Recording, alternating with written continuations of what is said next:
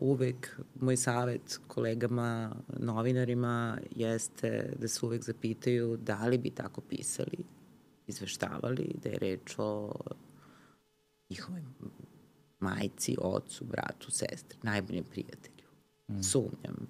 E, danas imamo jednog posebnog gosta koji se po mnogo čemu razlikuje od onih koji su nam sada dolazili, s obzirom da nije neko koji je uh, striktno iz oblasti uh, bilo psihijatrije, psihologije ili psihoterapije, ali ujedno se bavi određenim stvarima koje su jako važne za našu struku. U pitanju je Ana Mari Ćurčić, novinarka i pokretač inicijative Za tebe važno je, koji se, koje poslednjih nekoliko godina se bori za podizanje svesti o važnosti i problema mentalnog zdravlja.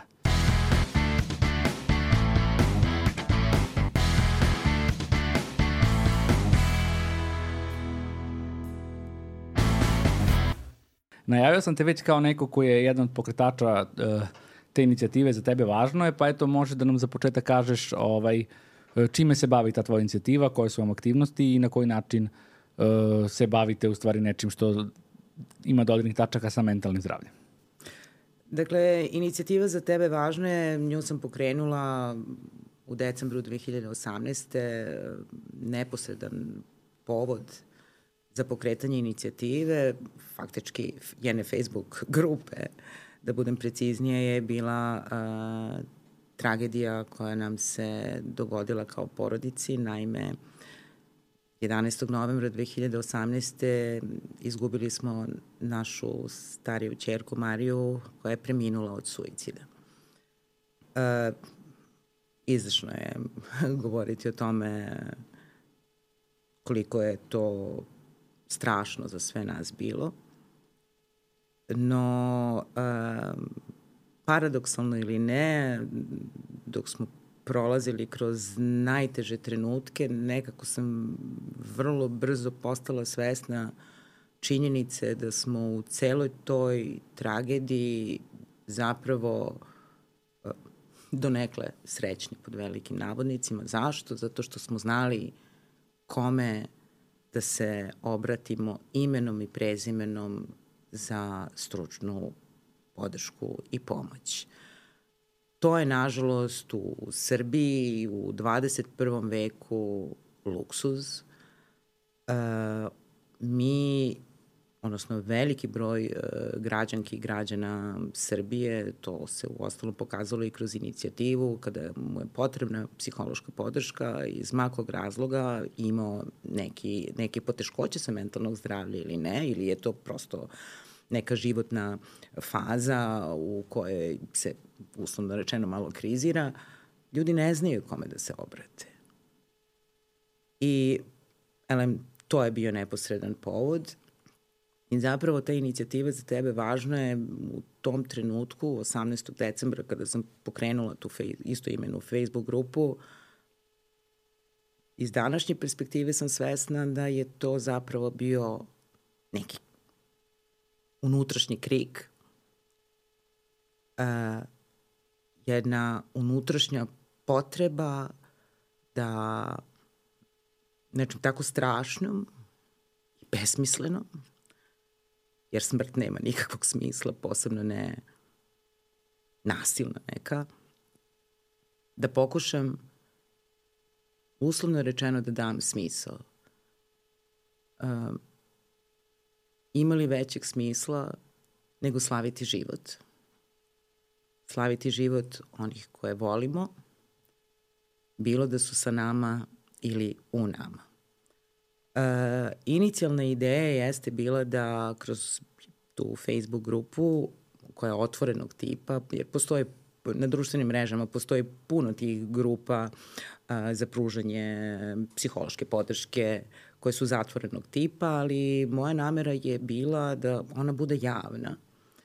I prevashodni cilj je bio da pokušamo da pruženjem edukativnih sadržaja, ali razumljivih sadržaja, nezavisno od uzrasne dobi, da to može neko da, da, da ukapira klinac ili klinka od 15 godina, kao i baka, deka od 70 plus. Da prosto iz relevantnih, pouzdanih izvora ponudimo te neke edukativne sadržaje koje se tiču mentalnog zdravlja, da prosto uh, iskoristimo potencijal društvenih mreža koje se uh, često i s razlogom naravno kritikuju, ali uh, bojim se da često zaboravljamo potencijal koje te iste te društvene mreže imaju kada imate neku dobru ideju, kada želite da edukujete, promovišete neke vrednosti, one vam zaista mogu pomoći. I evo, da skratimo ovaj uvodni deo, ovaj, za, dakle, 18. decembra će biti punih pet godina od kako je pokrenuta Facebook grupa i isto imena inicijativa, neformalna inicijativa. E, sada nas prati što na Facebooku, što na Instagramu više od 30.000 ljudi iz celog regiona, što je velika stvar, e, što nam mnogo znači našem petočlanom timu, admin timu koje čine volonteri, osobe koje se iz e, čistog entuzijazma e, bave administriranjem i moderiranjem pre svega Facebook grupe.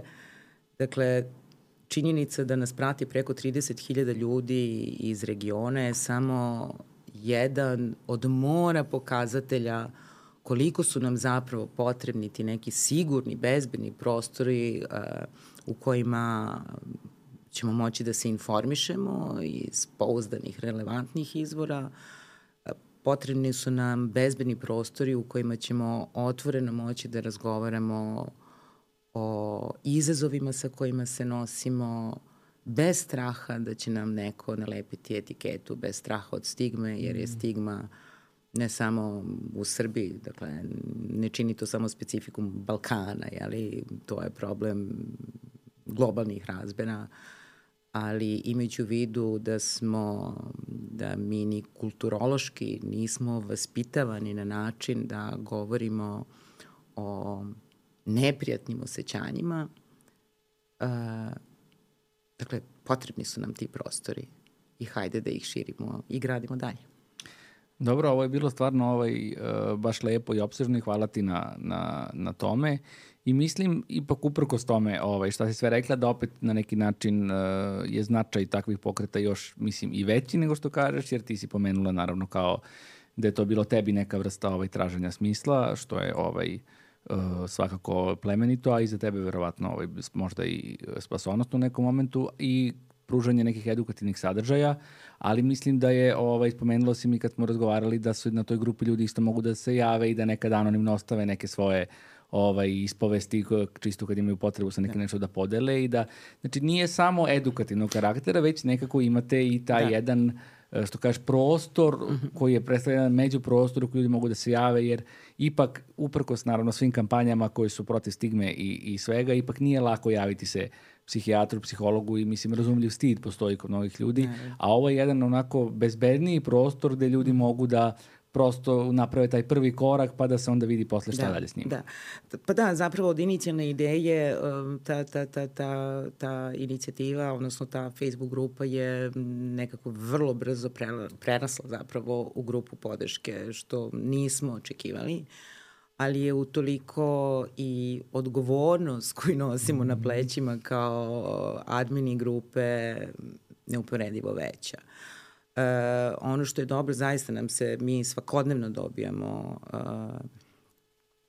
poruke, odnosno obraćaju nam se naši pratioci uh, koji su različitih uzrasnih dobi, ali recimo da nekih 40% naših pratilaca čine uh, stariji adolescenti, odnosno obuhvata uzrasnu dob od 24 do 35, odnosno 45 godina. Znači to su ono godine kada smo u punoj snazi, kada koračamo kroz život koji sa sobom nosi brojne izazove. Ono što je dobra stvar kada je konkretno Facebook u pitanju jeste onog trenutka kada su omogućili korisnicima te društvene mreže da šalju anonimne objave. Onog trenutka kada smo uveli tu opciju anonimnih objava, upetostručio se e, broj e, poruka koje smo dobijali od naših pratilaca i, i kao što si i sam rekao, zaista nam je, zaista je važno da, da imamo te prostore u kojima možemo otvoreno da razgovaramo o onome e, što nas muči, o izazovima sa kojima se nosimo, da dobijemo savet i međusobno, posebno da uporedimo i zbog toga nam je jako važno što je grupa javna. Da prosto vi kad pročitate neku objavu, vi, čak i ako nam se ne obratite, vi možete sebe da prepoznate u tome, možete da se identifikujete, čujete savete i ono što je takođe dobra stvar i gde se donekle trudimo da usmerimo a, a, na, pratioce jeli, grupe, to je da prosto a, i članovi sami govore o svojim iskustvima, ali kako su prevazišli poteškoće ili izazove koji su u datom životnom trenutku bili pred njima. Dakle, svaki problem, većina problema je rešiva i naročito insistiramo, na, insistiramo, odnosno ohrabrujemo se međusobno, jeli, da potražimo stručnu pomoć kada nam je to potrebno, da rušimo te predrasude, da mm. rušimo te negativne stereotipe koje nas opterećuju i unutar, kod velikog broja ljudi, unutar e, primarnih e, porodica. Znači, kad nailazite na nerazumevanje unutar vlastite mhm. porodice, onda je daleko teže, upitno je da li neko od vaših prijatelja, da li ćete se obratiti nekom od prijatelja, da li će vas razumeti. Tako da uh, Facebook, ova naša Facebook grupa daje, daje mogućnost da, eto, sa nekim podelite mm. ono što u datom trenutku osjećate i ono što je sjajna stvar, to je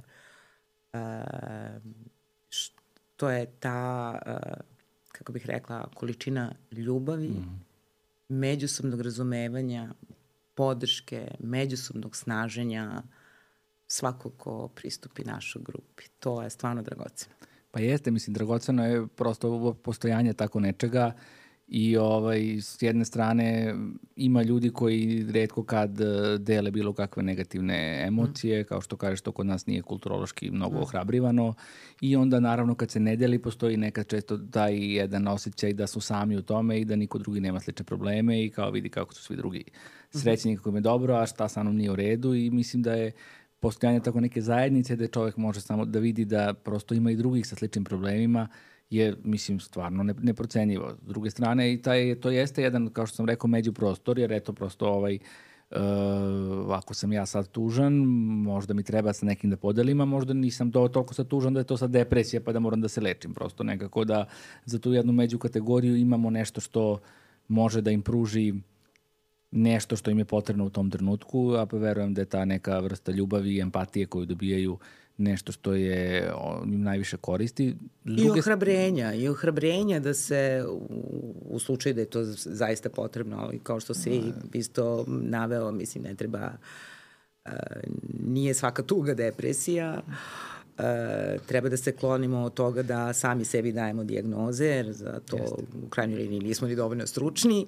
Pa i da medikalizujemo Ove, od normalan život upravo. i time opet šaljamo poruku da ne su negativne emocije uvek neko patološki, a zapravo je, mislim, Zapravo tuga. su prirodne i imaju svoje uzroke i, i ne mora to da znači. Dakle, u, u tom smislu ovaj, z, mislim da smo bez lažne skromnosti uradili veliku stvar i da nas ljudi sada uveliko već onako prepoznaju mm. kao, eto, baš to, mm. sigurnu zonu, neku Jeste, sigurnu luku. S druge strane, ne mogu da ne mislim o toj uh, povećanoj odgovornosti, što kažeš, mm. koju mhm. nosi tako nešto i kao, mislim, verujem da se javljaju različiti ljudi sa različitim problemima, neki koji mogu biti vrlo delikatni, mogu biti vrlo nekim ovaj, osetljivim situacijama i eto, mislim, kako uspevate da se nosite sa tim vas pet, kako si rekao da si ima u timu? Da. E, pa prva i osnovna stvar kako uh, nijena objava ne bude puštena u grupu pre nego što je pročitamo. Ukoliko ustanovimo da je možda osoba prolazi kroz neku ri, kroz neki rizik, kroz veliku krizu, to ne objavljujemo u, grupu, u grupi, da ne bismo uznemirili članove ostale, već e, u direktnoj komunikaciji sa autorom tog posta upućujemo na adrese stručnjaka. Dakle, kad kažem adrese stručnjaka, tu pre svega mislim na institucije kojima mogu da se obrate, bilo da je, ne znam, uh, Institut za mentalno zdravlje u pitanju ili prosleđujemo SOS uh, brojeve telefona, uh, jer zaista ne možemo na sebe da preuzmemo takvu odgovornost i, i na taj način prvo pružamo tu neku prvu pomoć, uslovno rečeno, toj osobi koja nam se obratila, a s druge strane i štitimo grupu, zato što zaista ne, neke teme, neke situacije mogu da budu trigerujuće, a znate, kad vas prati 30.000 mm. ljudi, nikada ne znate kako će neko moći da reaguje na, na, na neku situaciju kroz koju možda prolazi. Da. Pa mislim, ovaj, mislim, ovo se već zaključuje iz svega što smo ovaj do sad pričali, ali mislim, jako kažeš da je neposredan povod bio uh, tvoja lična mm. tragedija koja se, i da je nekako verovatno bila inicijalna ideja da se pomaže ljudima koji su u riziku mm. da sebi naude. Uh, pretpostavljam da se sada već javljaju ljudi sa širokim spektrom problema životnih, navela si kao e, primarne porodice, e, neslaganja neka i neki problemi u međutskim odnosima, što su opet, eto, kao kažem, neka normalna životna iskustva koja, nažalost, neki ljudi nemaju sa kim da podele i mislim da je ovaj, to isto nam pokazuje koliko je važno zapravo imati neku vrstu zajednice koju mislim da sve manje ljudi ima s obzirom da smo svi tako ovaj mislim sad živimo u toj nekoj individualističkoj kulturi mm -hmm. posebno eto mladi ljudi u velikom gradu, posebno ako mislim i nisu odavde pa su došli nekud ovaj mm -hmm. sa iz unutrašnjosti na studije pa ostali ovde i nekako koliko je u stvari značajna ta uh, samo podrška drugih za neka mislim normalna razvojna iskustva za prve poslove, za probleme na poslu, za raskide veza, za probleme sa u odnosu sa roditeljima. Mislim da je ovaj uh, važno da naglasimo koliko nam je svima potrebna podrška i koliko zapravo niko za, nije, ne, ne može sam, niti je ideja kao jako su stalno smo bombardovani onim porukama, mm znaš, kao uraditi isto, možeš sam, samo kao ono, trudi se, grizi, misli pozitivno i slično, koliko u stvari ništa od toga ne može da nadomesti u stvari neku podršku neke vrste zajednice, a u stvari vi pružate ljudima neku da, zajednicu. Apsolutno, jeste virtualna, jeste online zajednica, ali jeste zajednica. Suština svake zajednice jeste da slušajući i zaista čujemo jedni druge. To je, čini mi se, ono neki prvi korak. Sve dalje je nadogradnja. Ali da, živimo zapravo u vremenima gde uh, smo se ubrzali ne 200 nego 1000 na sat. Ali istovremeno bojim se da postajemo površni ne samo u odnosima jedni s drugima, već ne slušamo ni sami sebe. Stavljamo, imate taj imperativ sreće s jedne strane mhm. koji promovišu i potenciraju mediji, društvene mreže i slično. S druge strane, problem je što nismo, toga, o tome smo malo čas i govorili, nismo prosto vaspitavani na način i da prepoznamo vlastite emocije. Te tako možda neki bes koji vidimo kod nekog drugog, s obzirom na to da je da su naši odnosi, međuljudski odnosi postoje pomalo instant na klik. Ne, ne dajemo sebi vremena da zaista čujemo jedni druge, da zapažamo stvari, da se pitamo, ok, kad te pitam kako si, ajde da sačekam barem 35 sekundi da čujem taj odgovor, a da ne odem dalje. Da ako si ljut, možda nije to bez, možda se iza toga krije tuga. I polazim u krajnjoj liniji od sebe, ovaj, mm, često kada sam, uslovno rečeno, u minus fazi, To se kod mene ispoljava ili kroz blagu dozu agresivnosti u smislu ne mislim bukvalno, sad idem pa da lemam sve da, oko da, sebe. Verbalne, mi to kažemo verbalne. Da. Verbalne, da. verbalne ili, ili se zatrpavam poslom. Ni jedna ni druga stvar nisu dobre. Ali uh, niko nas nije naučio da, da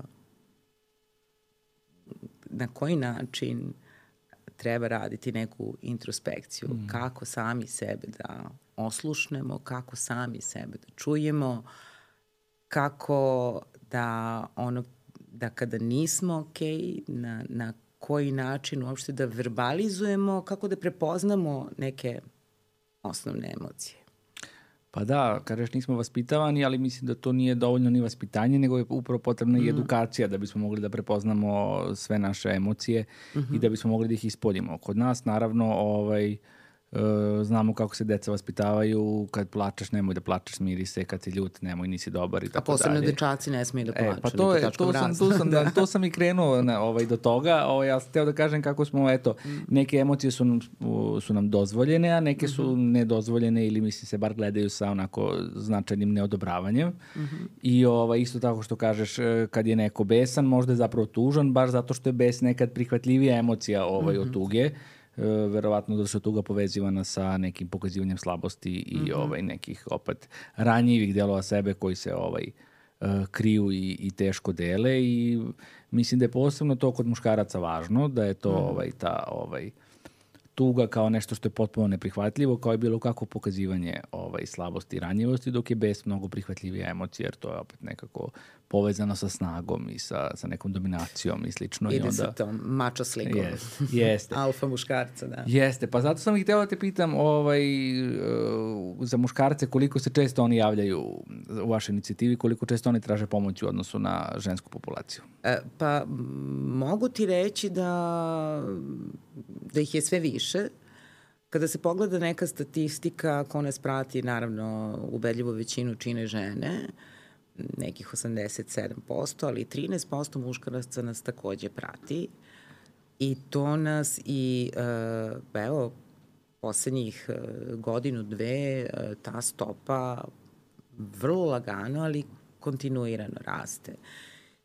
I generalno mislim da se iako možda prevladava taj stav da mm, muškarci na Balkanu, ne bih se samo ograničila na Srbiju, u ovim patrijarhalnim društvima i dalje postoji taj prototip, ta mhm. slika kako, kako, šta znači biti uspešan muškarac, kako on treba da izgleda, da li sme da pokaže slabosti, ali mislim da se sa ovim mlađim generacijama, ja sam poprilično, mislim nisam u godinama nekim pozamašnim, ali evo, ja sam 66. godište, vidim i po svojoj generaciji i po nešto mlađima, stvari se menjaju.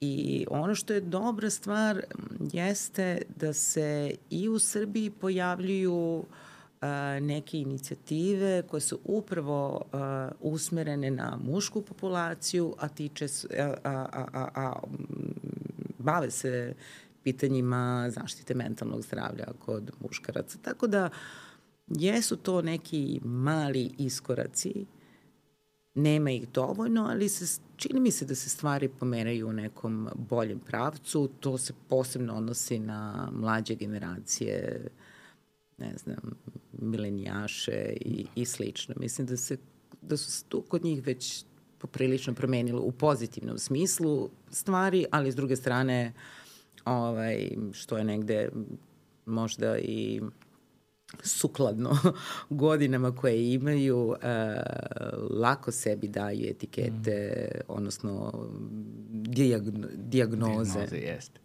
Jeste, ovaj, ali mislim koliko je ta situacija sa muškarcima bila loša, govori sama činjenica da je 13% se smatra za, kao nešto dobro, jer kao eto napredujemo. Mislim, to je... Da, da, ali opet bolje 13% nego 0%. Jeste, jeste, jeste, ali opet mislim... Što samo govori o tome koliko se mora raditi na tome. Upravo. Ali je sad veliko pitanje ko na tome radi, da li, da li uopšte postoji želje, da li, mislim, um, sad malo skrećem s teme, blaga digresija, kada govorimo o mentalnom zdravlju, ja sam zagovornik teze da ključ prevencije svake, ne samo po pitanju mentalnog zdravlja, jeste edukacija. Iz neznanja iz neznanja niču posledice koje su nekada nezamislivih razmera. I to je nešto na čemu treba da radimo. A u krajnjoj liniji, mislim, postoje toliko um, primjera dobre prakse u svetu gde se, na primjer, na temu mentalnog zdravlja mislim da se uči od vrtića do, do, do, do, do ne znam, fakulteta, imate savetovališta, postoje zaista mali milion krajnje jednostavnih načina na kojima za početak možete sa decom najnižeg uzrasta da govorite o emocijama. Ne trebaju vam veliki novci, dovoljan je nekada ih jedan veliki hamer, mhm. neka svako dete nacrta emotikon odgovarajući kakav mu je dan i već ste uradili, već ste mhm. da pružili prostor da klinci o tome razgovaraju. Jeste, ovaj, razmišljam sada o tome dok pričaš o toj kao kako bi se sprodila neka vrsta edukacije i u stvari je, kao što kažeš, moguće to raditi vrlo jednostavno od vrlo ovaj, nekog ono, mladog uzrasta mm -hmm. i razmišljam kao kad bi postali ljudi sa, sa tolikim entuzijazmom kao što evo vi radite u tom vašem ovaj, udruženju na svakom nivou, koliko bi to ovaj, bilo korisno. Sećam se, iz, mislim, ja nisam toliko davno ovaj, bio u školi, uh, sećam se da je kad god bude nešto, s vremena na vreme su se organizovale neke uh, radionice ili ne znam šta mhm. već, kako se to zove, na primer kao sad učimo na primer o polno prenosnim bolestima, uh -huh. kad srednje škola i tako nešto.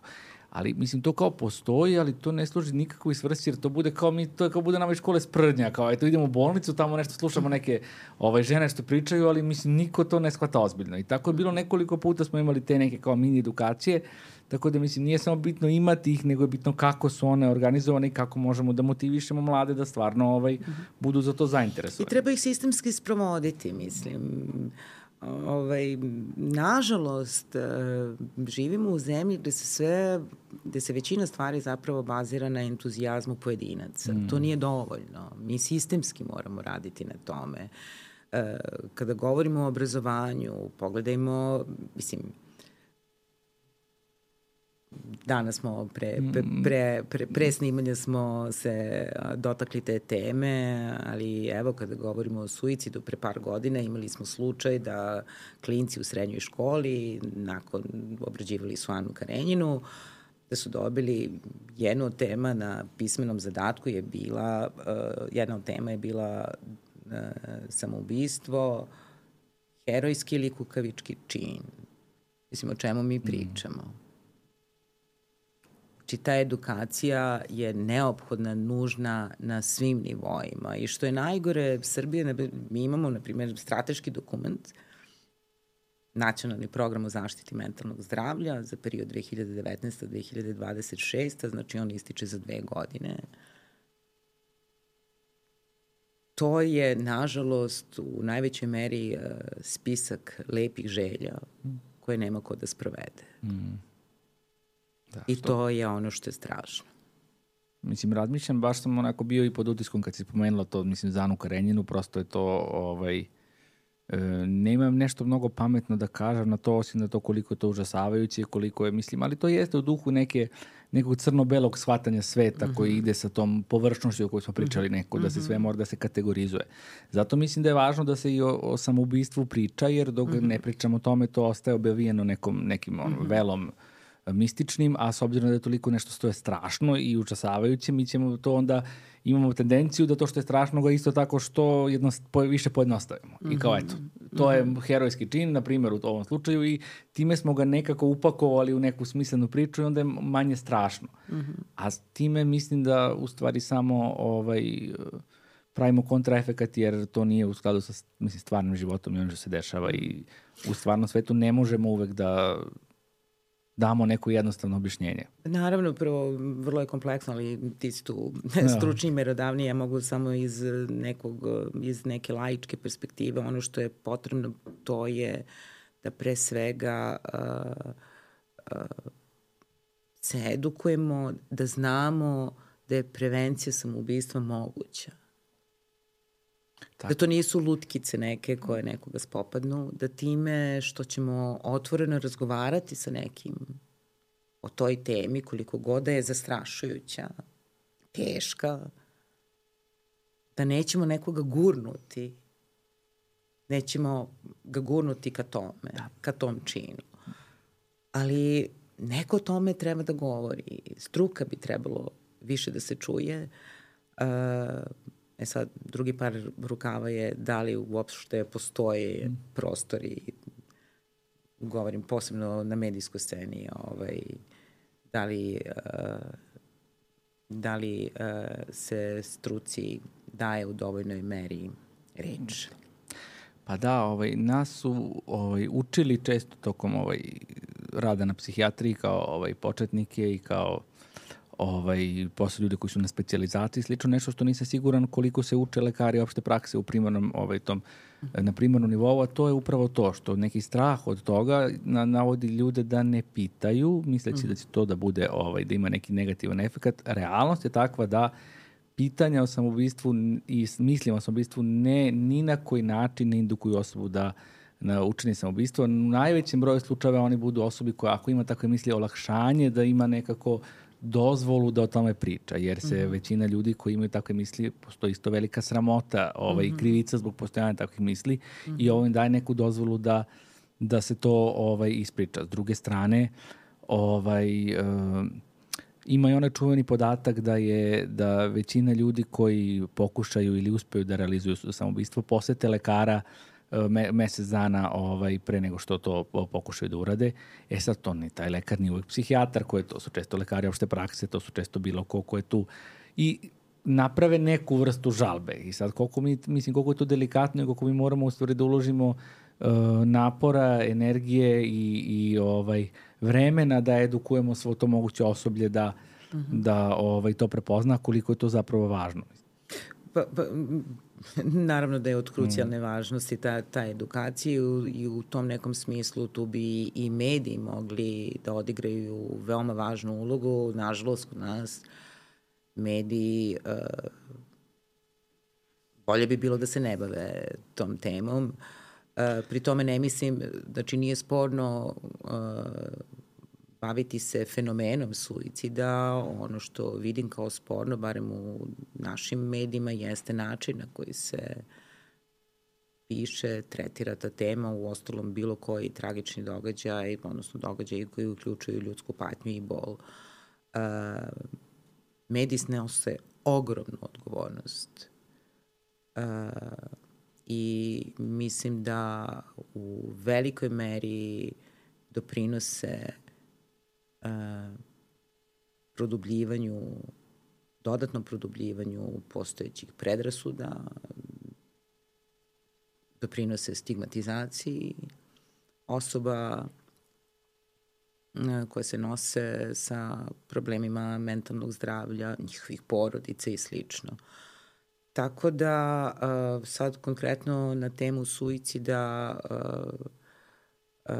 kada se tako nešto dogodi, ako bih u jednoj reči trebalo da opišem šta rade mediji, mediji lešinare. Znači, iznose se detalji i imali smo slučajeve objavljivanja oproštajnih pisama i slično. Znači, stvarno, da iznose se detalji koji ne da nisu u javnom interesu, nego naprotiv, kose se uh, sa, zakonom, sa zakonima o medijima i javnom informisanju, kose se sa kodeksom novinarskim, kose se sa ustavom u krajnjoj liniji. Pa i sa bilo kakvim moralnim načelima opštem. Upravo, upravo, jer ovaj, u krajnjoj liniji uh, jedno od elementarnih uh, ljudskih prava jeste pravo na dostojanstvo za početak, mm. kao i pravo na prijavnost. Pa da, le, mislim da, si, da ti to bila prva rečenica sada, a da kažeš, e, ok je pisati o fenomenu samobijstva, isto kao što sada smo mi pričali, ok je mm. da iznosimo neke činjenice i da proučavamo i da pričamo o tome mm. generalno, ali u nekom trenutku to, pri, to pričanje o tome ne znači upravo to mm -hmm. otkrivati lične detalje, otkrivati on, ili što negore onda nagađati zašto mm -hmm. je možda neko to uradio i onda ide se u neku vrstu, što kažeš, lešinarenja koji izgleda kao rudarenje po nečijem intimnom životu, mm -hmm. samo da bi se, eto, ovaj, ono, vest bila čitana, samo da bi... Pa da, ti, ti, ti, ti i generalno ti kad pogledaš ovaj, nažalost, ako gledamo malo šire, ako, kada, je, kada se tretira tema mentalnog zdravlja, to je, nažalost, u većini slučajeva deo rubrike hronike. Kada vi o tako važnoj, osetljivoj temi, ako je tretirate u najvećem broju slučajeva samo kroz rubriku hronike, to vam govori mm. o odnosu društva u celini, o odnosu donosioca odluka, o odnosu nadležnih institucija prema temi mentalnog zdravlja. A mislim da nakon ove dve godine pandemije, a posebno nakon tragičnih majskih događaja, da nikada važnije nije bilo da o tome govorimo na ispravan način, da se mm. čuje reč struke i naravno da se edukuje šira javnost. Mislim da su to ovaj, baš nekako idealni primeri koji dokazuju tu tvoju tezu da mediji imaju veliku odgovornost, jer mislim, uh, bilo da su tema ovaj, samobistva, bilo da su znači, tragedije koje su bile u maju, što smo posle na njima videli, na primjer, ovo što ću da spomenem, a to je uh, postojanje tih copycat ovaj, fenomena, -hmm. koji gde imamo, mm -hmm. nažalost, mislim, širom sveta već godinama ovaj, kada bude, na primjer, izvrši samobistvo neka uh, poznata ličnost. Mm -hmm. bilo nešto u Koreji, neka pop zvezda pre par godina, pa je bilo, znam, koliko sećam, više ovaj, tih... Kurt ovaj, Cobain kad je. Pa dobro je, mm, tako je. To. Mm. O, tad nisam još znao da pričam, tako da ne znam. Ovaj, da. Ali, uh, ne, hoću da kažem da evo i sad smo imali, ovaj, mi kod nas smo imali, znači, uh, slučaj jedne tragedije pucanja u školi imali smo nakon toga još, dan posle smo imali još jednu koju, naravno sad ne možemo mi da tvrdimo, e, to bi se sad, to se sad ne bi desilo da nije bilo takvog izveštavanja, ali ne možemo ni da tvrdimo ni da bi. Prosto, ovaj, to je nešto vrlo uh, E, dokumentovano, istraženo, dokazano da postoje mhm. copycat uh -huh. fenomeni i da senzacionalističko izveštavanje zapravo povećava šansu za tim da se ovaj napravi neka identifikacija sa nekim mhm. -huh. počiniocem dela, jer ako, ga, ako nekako uh, se on uh, prati, prave se neke E, projekcije kakav je on bio, koji su mu bili mhm. motivi, kakvi su mu bili hobi. Tako da ne, isto se stvara neki, neki oreal, neke, neke ono mističnosti za koji će naravno... Stvara se antiheroj. Tako je. Za koji će neko ko je u godinama kada je možda ovaj... Uh, lako ga impresionirati, a s druge strane izgubljen u nekim svojim ovaj, mm -hmm. problemima, lak, da se identifikuje i mislim sa, ali sa, ovog puta sa stvarno tragičnim posledicama. Mm -hmm koje nisu samo, e, pokvarile smo socijalnu školu jer se ugleda na onog nego nešto. U, u, toliko, u toliko je veća, čini mi se, odgovornost e, glavnih i odgovornih urednika medija, odnosno urednika hronike. Jer teško da me iko može ubediti da oni nisu dovoljno upoznati šta kaže u krajnjoj liniji zakon o medijima i javnom informisanju, šta kaže kodeks novinara No u toj trci za opstankom na tržištu čini mi se da smo odavno pregazili sve moguće crvene linije, a to je da se vratim na ovo što smo malo čas, o čemu smo malo čas govorili, treći, četvrti maj su to mm. nažalost pokazali.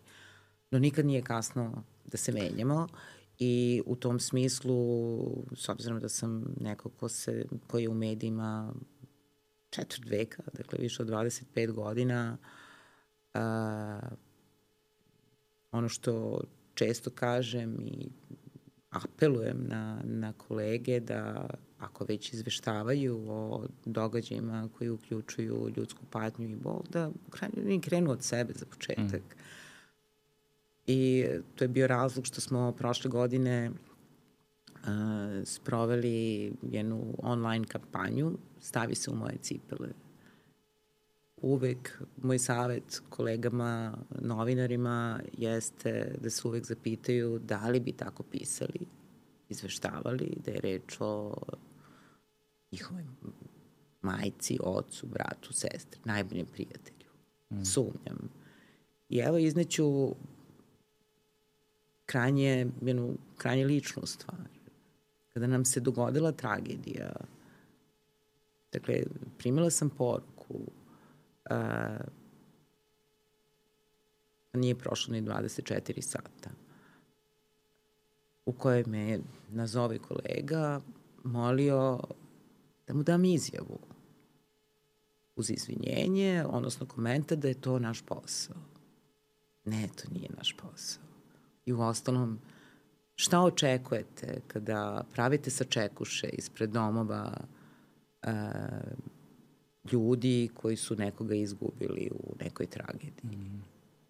Kada opsedate komšiluk, šta očekujete? Koji, koji je to detalj koji bi vam bio dovoljno sočan da zadovolji vašu glad? I koja je poruka, koja je naša funkcija u krajnjoj liniji? Koji benefit ja kao konzument takvih sadržaja? Šta ja time dobijam? Mi s jedne strane bojim se da takvim uh, senzacionalističkim načinom izveštavanja podižemo prag. Sve nam postaje normalno. Tako je. Tako je. Postaćemo potpuno, zatupećemo.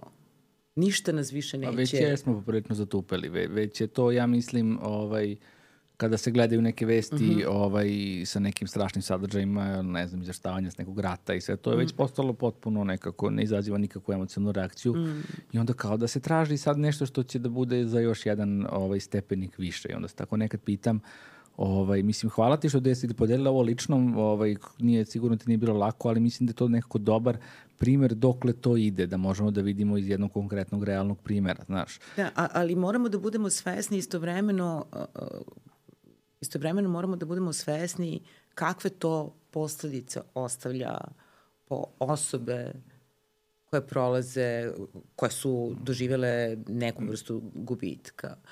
To, znači to nama nije tema. To nam nikada nije da. tema.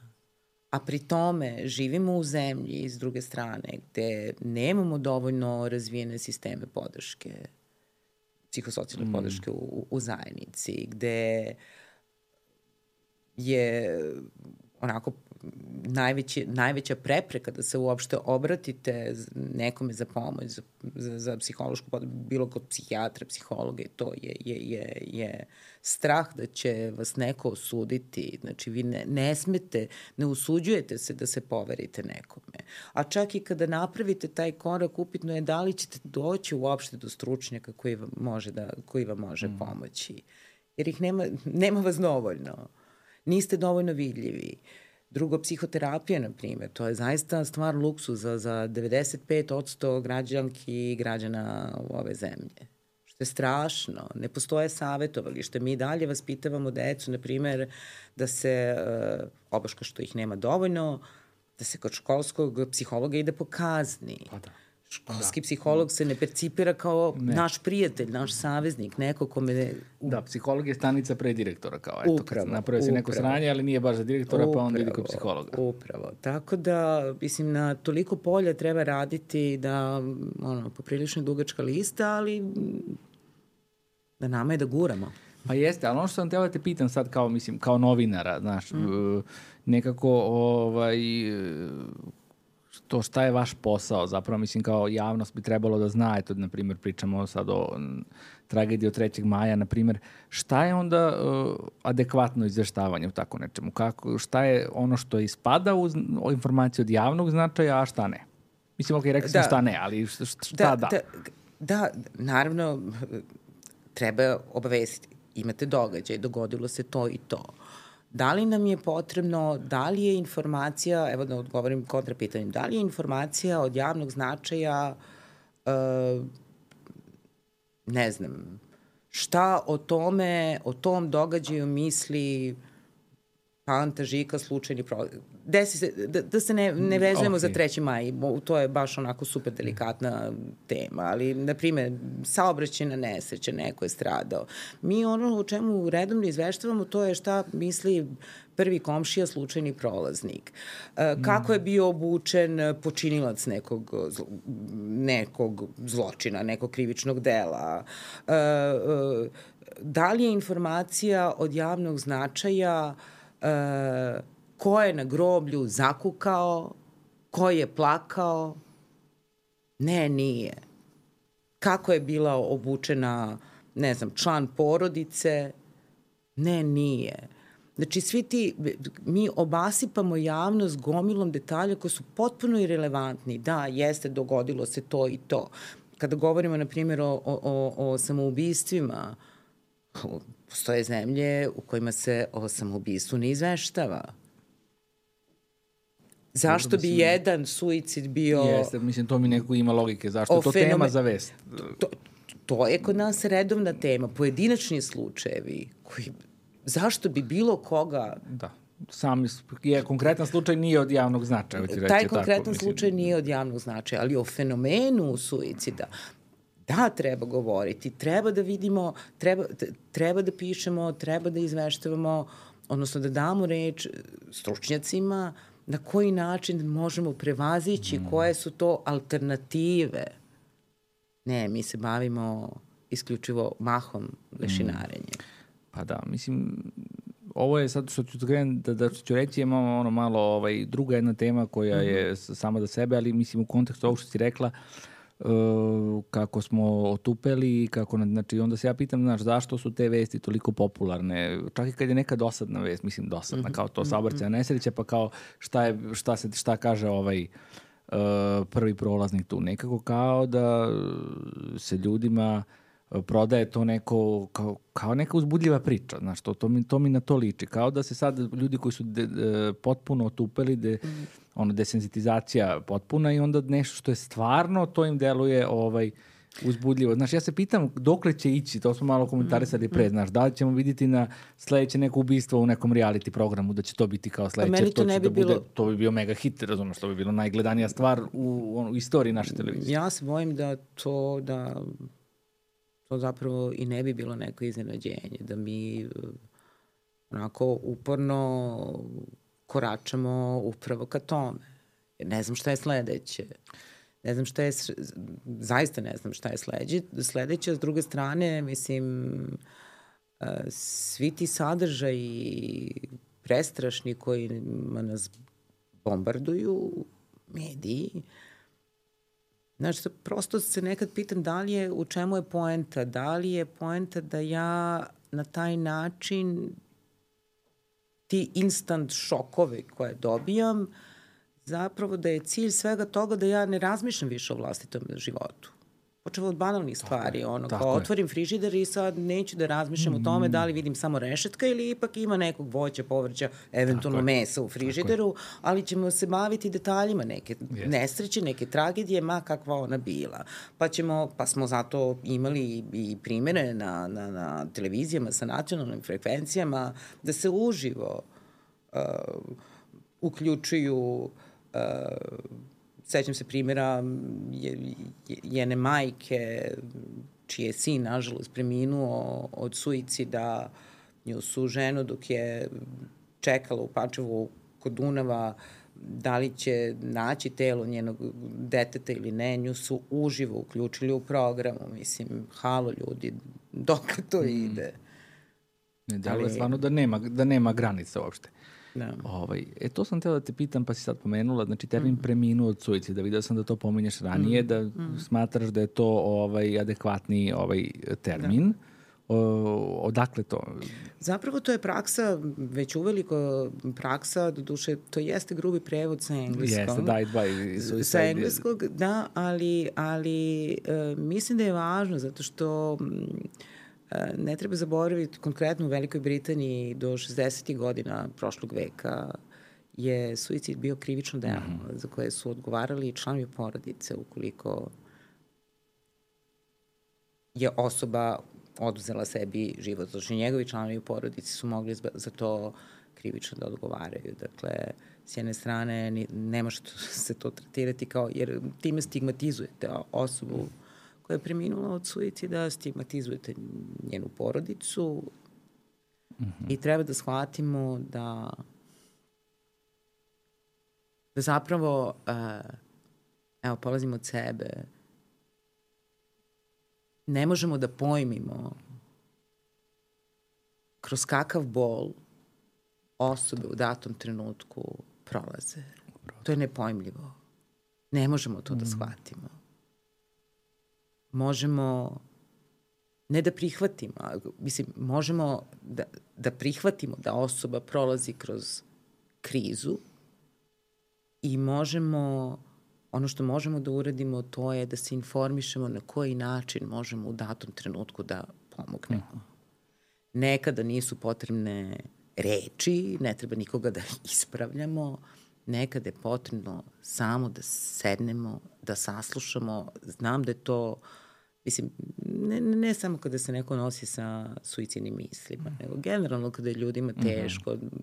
Naravno, postoji ta potpuna prirodna vrsta nelagode. Ili ako izgubite, ako, ako neko vama blizak ili manje blizak izgubi člana porodice. Obično smrt sama po sebi je izaziva nelagodu, što je potpuno prirodno. Ne morate da znate šta da kažete. Možete reći toj osobi, ej, slušaj, ne znam šta da ti kažem. Ali evo, ja ću tu da sedim, mm. da te tu. zagrlim, da te držim za ruku, tu sam. Mm. To je ono što je nama i to je ono što u krajnjoj liniji um, pokazuje i grupa za tebe važno je tu smo, jedni za druge. Da, ne, ovo si stvarno ovaj, divno rekla ovaj, i koliko je značaj samo prosto da, da budemo tu za nekoga. Ovaj, mislim, nažalost, stigma ovaj, je i dalje velika baš i za, i za osobe koje oduzmu sebi život i za porodice, mislim, što si ti, nažalost, ovaj, i proživela. Uh, Um, ono što je sam ja ovaj primetio nekako u praksi je, mislim, kako upravo, pri, mislim, pričali smo o tome kad govorimo o tome zašto je važno pri, pričati o nečemu, mm. zato što kada ne pričamo, to onda bude nekako lakše za osudu, Mm -hmm. A lepo si rekla, ne možemo da zamislimo koji to bol čoveka natera na tako nešto. Mislim, s obzirom da mi možemo da vrlo uh, ovaj, i kroz neke eksperimente pokazano koliki je nagon za životom kod čoveka veliki i na šta sve mm. čoveka može da natera i kako to kada nešto nadjača taj nagon za životom koji je enormno velike sile, to je nešto što niko od nas ko to nije doživao ne može da mm. da pojmi, a lako je osuditi, a jedan, de, mislim, kako kažem, uz, bez opravdavanja. Mogu i da razumem zašto bi neko osudio, jer je to zastrašujuće da se misli o tome da je, da je, da je, da je to moguće. Uvijek se onda lako da se okarakteriše neko kao lud ili nestabilan ili to, jer time se donekle štitimo da to, eto, to ne može meni da se desi, jer ja nisam lud mm. ili nestabilan ili sve. A s druge strane, ovaj, ovako u, u, u, u mom ličnom ovaj, privatnom životu sam primetio koliko i se dešava jedan paradoks da kada neko kaže imam suicidne misli ili tako nešto, crne misli, to da se to vrlo onako ovaj uh, odbacuje, a da mhm. kad se neko ovaj oduzme sebe život da se odjedan put odmah se svi potresu i bude i bude žao, znaš, da nekako nije, ne izaziva se osjećanje imati suicidne misli, to se percipira kao često kao slabost, kao neka, eto, ili kao privlačenje pažnje, što je još da, gore. Da, preterivanje, mislim, da. Preteri, mhm. privlačenje pažnje, mm -hmm, mislim, postoji mm -hmm. to nekakav apel fenomen koji mi zovemo, znači, ali ako neko je spreman da sebe povredi da bi privukao pažnju, pa zar to nije mislim, znak da mu treba pružiti neku vrstu pažnje, mislim, makar u vidu profesionalne mhm, pomoći. Mm -hmm. Pa, to, to, to za početak. Za, to, znaš, kao da, da je da. privlačenje da. pažnje, znači ima pusti ga sad, mm -hmm. sad ne, nemoj da mu daš tu, tu pažnju mm -hmm. koju on traži na taj način.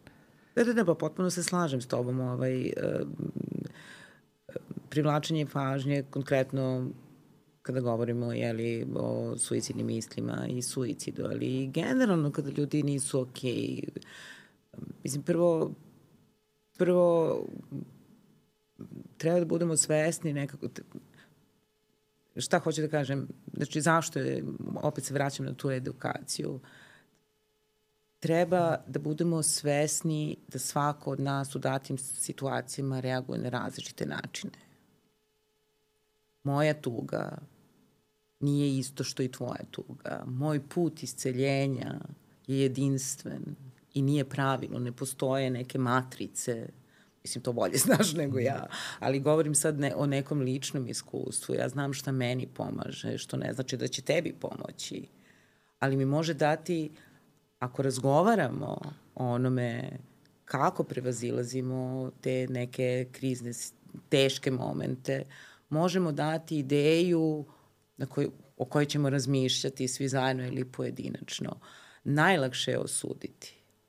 Najlakše je osuditi, najlakše je reći, e pa preteruješ, ne, hoćeš da privučeš pažnju, hajde da se slušamo, da, jest, da čujemo jedni ne, drugi. Bilo da. kakvo moralisanje, o da. nekoj ispravnosti nekog čina, mm. pa čak i tog. To neko pretrano moralisanje uvek uh, mm. uh, služi, to jest ima funkciju da se osoba koja morališ osjeća bolje zbog toga i kao ja sam bolji od toga. Bilo za koje ponašanje, mm. mislim, pa, pa čak i to. A mislim da je to malo negde i pranje od, ruku od Jeste. odgovornosti, kao tras, ja, ups, zveknem ti ja neku, zalepim ti neku etiketu Jeste. i time sam ja svoje Jeste. završio, ja sam kao tu miran, čista mm. mi je savest. Ne. Ali kako imamo neku tu sklonost to da, osu, da, da, da, da sudimo na crno i belo, ono, mm. sećam se sada onoga herojski ili kukavički čin, znaš, mm. i koliko je uh, lakše razumeti sve tako. Ima jedan ovaj iranski film uh, Taste of Cherry iz 90. neke, mm -hmm. ovaj, koji je, ceo film se čovek vozi ovaj stariji čovek koji se vozi kolima i sad on hoće da isto da, da oduzme sebi život i on hoće da traži ljude koji će da ga sahrane ispod tog nekog drveta. Uh mhm. -huh. I sad ti ljudi odbijaju. Ali ono što je film uradio, mislim, majstralno je što ni jednom momentu se ne priča ništa o tome koji su njegovi razlozi. Jer svaki razlozi bi nužno mhm. -huh. kod nas u publici izazvali kao da li je ovo sad opravdano ili nije. Uh -huh. Ali samo projekto, mislim, jedinstveno u tome što prikazuje tako neko ovaj, iskustvo bez tog, te, te a to je tako privlačno da se da se da neki sud, mm -hmm. da se mhm, kaže ma mhm. da ma eto da razumem ga ili ma ne on je budala i to je mm -hmm. mislim pa mislim i lakše je ne, ne, ne negde to mislim možda primarno i neka kako bih rekla, uslovno rečeno normalna potreba da, pa, da, da, da, da, da, da staviš u neki kontekst koji uh, tebi razumljiv koja je tebi razumljiv i manje strašno. Da, e, ali se manje, stra, tako manje je strašno, tako plašimo se. Naravno da nas uplaše takve stvari, Jeste. a ti treba da priznaš da te to plaši i da ti na to zapravo nemaš odgovor. I da nije, i da nije uh, da nisi kriv što nemaš pa, odgovor. Upravo to, a mislim da je postalo zabrinjeno da se nešto ne zna, znaš. Mm -hmm. A evo sad malo skačemo s teme na temu, ali si me sad baš ovo asocirala kad pričamo o, o ovaj, o nekim ono događajima koji se desili nakon tih uh, majskih tragedija i to kako su ljudi na društvenim mrežama bili slobodni da svoje neka tumačenja daju i, i mišljenja kao zašto se ovo desilo, pa ovaj jedan razlog, pa to TikTok, pa zadruga, pa ovaj zapadna kultura i slično i koliko je u stvari to upravo služi svrsi da je prestrašno je da ti ne znaš zašto se to desilo. Mm. Jer, jer, ne, jer, mislim, jer ne znaš. Pa mislim... I koliko je to u stvari teško živeti sa tim kao da eto desilo se, a to možda, mislim, svi hoće da, da, da ljudi hoće da neki, neku iluziju kontrole imaju kao da smo mm. ovo znali, možda bismo mogli to da kao sprečimo, ali mislim nešto ne može da se, da se spreči nažalost, koliko god Naš, strašno bilo. Pa mislim taj osjećaj bespomoćnosti je strašan i, i mislim da i kolektivno i kao pojedinci da će nam trebati još mm. XY sad ne znam meseci go kod nekoga godine da, da, da, da prosto da prosto shvatimo šta nam se dogodilo. Mislim, da na emotivnom nivou to isprocesuiramo. Nekako kognitivno mi još i nekako možemo da složimo koliko toliko neke kocke, kockice, ne i sve, ali uh, sve su to neki procesi, a strahovi nam se samo gomilaju. Da, ali dobro, evo, ovaj, mislim da je u, takvim vremenima koja su teška, strašna, neizvesna, ovaj, ova, mislim, tvoja tvoja i vaša ovaj inicijativa nam je mislim jedan pokazatelj kako ipak ovaj e, ne jenjava snaga ljudske povezanosti, snaga empatije, snaga je to prosto toga da budemo tu za drugu osobu i snaga ljubavi kao možda najveće pozitivne sile koju imamo. Apsolutno, apsolutno. Ne da ne jenjava, ali nekako ne treba da pristanemo na to, na taj neki uh, trend, da potiskujemo tu svetlost. A svako od nas nosi dovoljno svetlosti koje može da sigurno sam obasja nečiju noću. Uh, molio bih vas sve da ukoliko imate neki, neki komentar ili neku asocijaciju, ostavite ga ispod videa, mi komentare čitamo, često nam oni budu inspiracije za neke od narednih epizoda i jako su nam dragoceni. Uh, ova tema je kompleksna, višeslojna i sigurno da nismo mogli potpuno da obradimo samo u ovom jednom razgovoru, tako da će se dva i po psihijatra ovom temom baviti i u nekim od narednih epizoda u nekom drugačijem kontekstu. Uh, takođe vas pozivam na Patreon gde ćete moći da čujete još malo više o Aninom udruženju i o načinu na koji ona i njene saradnice zbrinjavaju ljude koji se javljaju sa određenim problemima.